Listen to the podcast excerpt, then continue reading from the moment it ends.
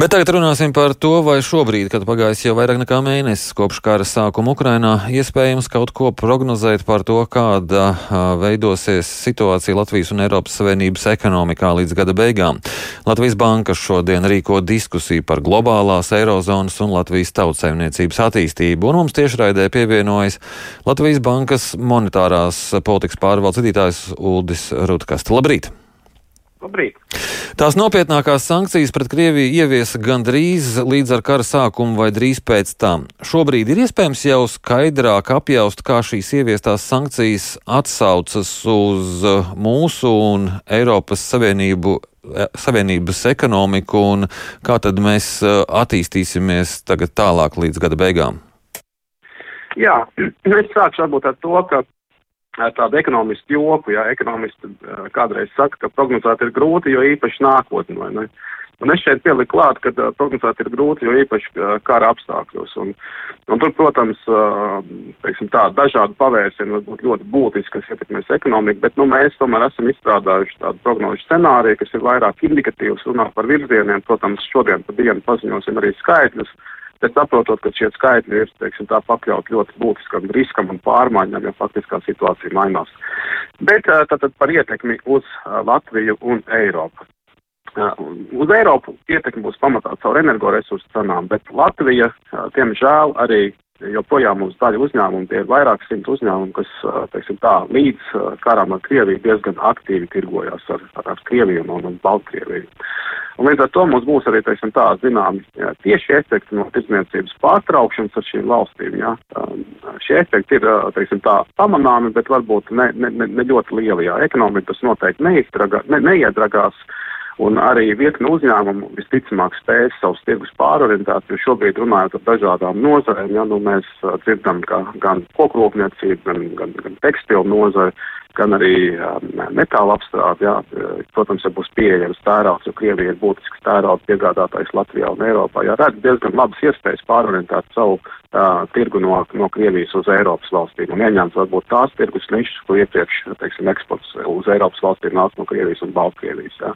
Kopumā mēs, protams, redzam, ka ekonomika diezgan būtiski sabremzēsies šogad, ja nu nerealizēsies varbūt tas iepriekš gaidītais ekonomikas atplaukums pēc pandēmijas ierobežojuma beigām, ja. Bet joprojām, nu, tā, mēs sagaidām, ka tomēr tāda mēra neliela uh, ekonomikas izaugsme Latvijā šodien, šogad saglabāsies. Ja. Uh, šī ziņa varbūt, jā, nebūs tik, tik, tik strauji atkopšanās, bet, nu, ekonomikā nekas traks nenotiks, ja. Tā ir pozitīva ziņa, es gribētu teikt. Bet, nu, protams, nenoteiktība ir liela, un ja, piemēram, nu, teiksim tā, neizdodas saprātīgā laikā rast alternatīvas tām pašām tērauda piegādēm, citu materiālu piegādēm, uh, kas nāca no Krievijas, ja, nu, rast citus avotus, tad, protams, var rasties arī, zinām, ražošanas pārtraukumu pārtraukumu un, un, un ekonomika, protams, var ieslīgt arī, teiksim, tā nelielos mīnusos. To, to mēs nevaram izslēgt. Tā nepatīkamā ziņa vairumam iedzīvotāji būs tāda, ka, diemžēl ar sankcijām, ar energoresursu pieaugumu, arī ar pārtiks cenu pieaugumu, jo, jo piemēram, Krievija un Ukraina ir diezgan būtiski kviešu un citu pārtiks produktu piegādātāji pasaules tirgos, jā, cenas augs. Un inflācija visticamāk, nu, gadā vidēji jau pietuvosies 10%, kas nozīmē, ka, nu, atsevišķos mēnešos inflācijas pieaugums var būt arī divās zīmēs mērāms, virs 10%.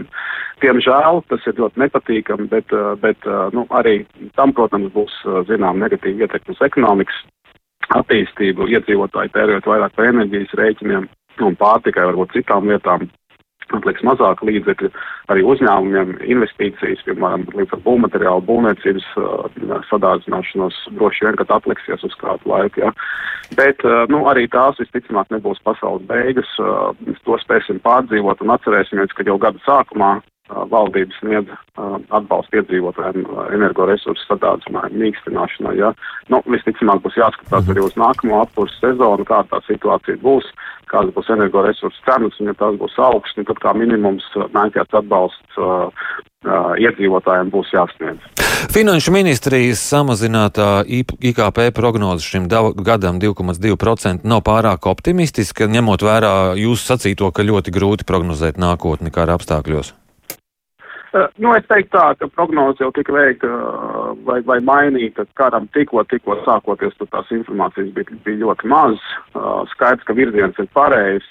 Kā es minēju, arī mēs teiksim, tā, palēninam izaugsmi, bet tomēr uzskatām, ka šogad pavisam neliela ekonomikas izaugsme varētu turpināties. Bet, kā jūs minējāt, riski, protams, ir ļoti, ļoti lieli. Nu, pieņemsim, ka piemēram, tiek vēl, vēl vairāk būtiski pastiprinātas sankcijas un attiecināts uz energoresursu, piemēram, imports no Krievijas. Ja tas, protams, būtiski realizētos vēl būtiskākā energoresursu cenu sadārdzinājumā. Jā, un tad jau protams, mēs runājam jau par nedaudz savādāku attīstību. Ne? Tā kā tā nenoteiktība un riski ir lieli, bet nu, pagaidām es arī noteikti negribētu ieslīgt tādā pārlieku lielā pesimismā, jo ekonomika mums ir uh, fleksibla un kopš 14. gada, kad Krievija uh, aneksēja Krimu, uh, ļoti daudz uzņēmumu jau pārorientējās, paplašināja savus, uh, savus noiet tirgus, ja tā kā Tā kā, manuprāt, tā, nu, teiksim, tā uh, liela ekonomikas daļa ir jau bijusi diezgan neatkarīga no, no Krievijas. Uh, šīs izmaiņas ekonomikā, arī cenu pieaugums un tā tālāk, uh, tas kaut kādā veidā skars arī bezdarbu. Ir jāreikinās ar to, ka varētu palielināties bezdarbs? Jā, jā mēs sagaidām, uh, ka bezdarbs nedaudz pieaugs. Tur, ka jāsaprot, ka darba tirgus mums šobrīd ir diezgan saspringts. Darbinieki daudz kur trūkst. Un, un, un, protams, tajos uzņēmumos, kas ir ļoti eksponēti pret Krieviju, jā, un tur ir nu, vairāk simt uzņēmumu, kur, kur, kuru eksports nu, puse vai vairāk kā puse iet joprojām uz Krieviju. Un, un daļa no šiem uzņēmumiem, protams, var teiksim, nonākt maksāt nespējas situācijā vai būtiskas saš, sašaur, darbības sašaurināšanas situācijā. Ja, un, un tur noteikti teiksim, tā, nu, cilvēkiem darbs vairs nebūs tik, tik pieejams un būs arī bezdarbnieku pieaugums. Bet šis bezdarbs. Piemēram, Šis bezdarbs skars tikai tos sektorus, kas ir bijis saistīts līdz šim ar Krieviju, jeb arī citus sektorus. Nu, pamatā ar Krieviju, es teiktu, var būt arī atsevišķiem uzņēmumiem problēmas dēļ energoresursu cenu sadārdzināšanās, jā.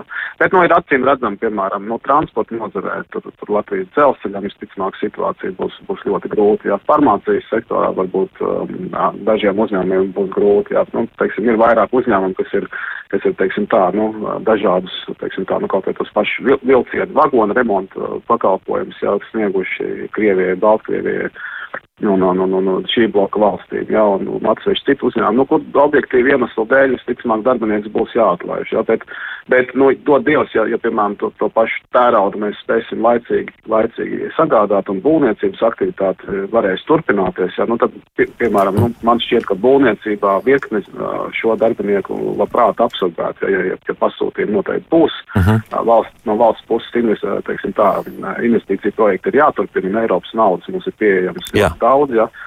Tā kā, tā kā tur, man liekas, pieprasījums pēc darbiniekiem būs. Arī Jā. citos sektoros pieprasījums pēc darbiniekiem ir ļoti augsts. Man jāsaka jums paldies par šo sarunu. Atgādinu, ka mēs sazinājāmies ar Latvijas Bankas monetārās politikas pārvaldes vadītāju Uldi Rutkasti.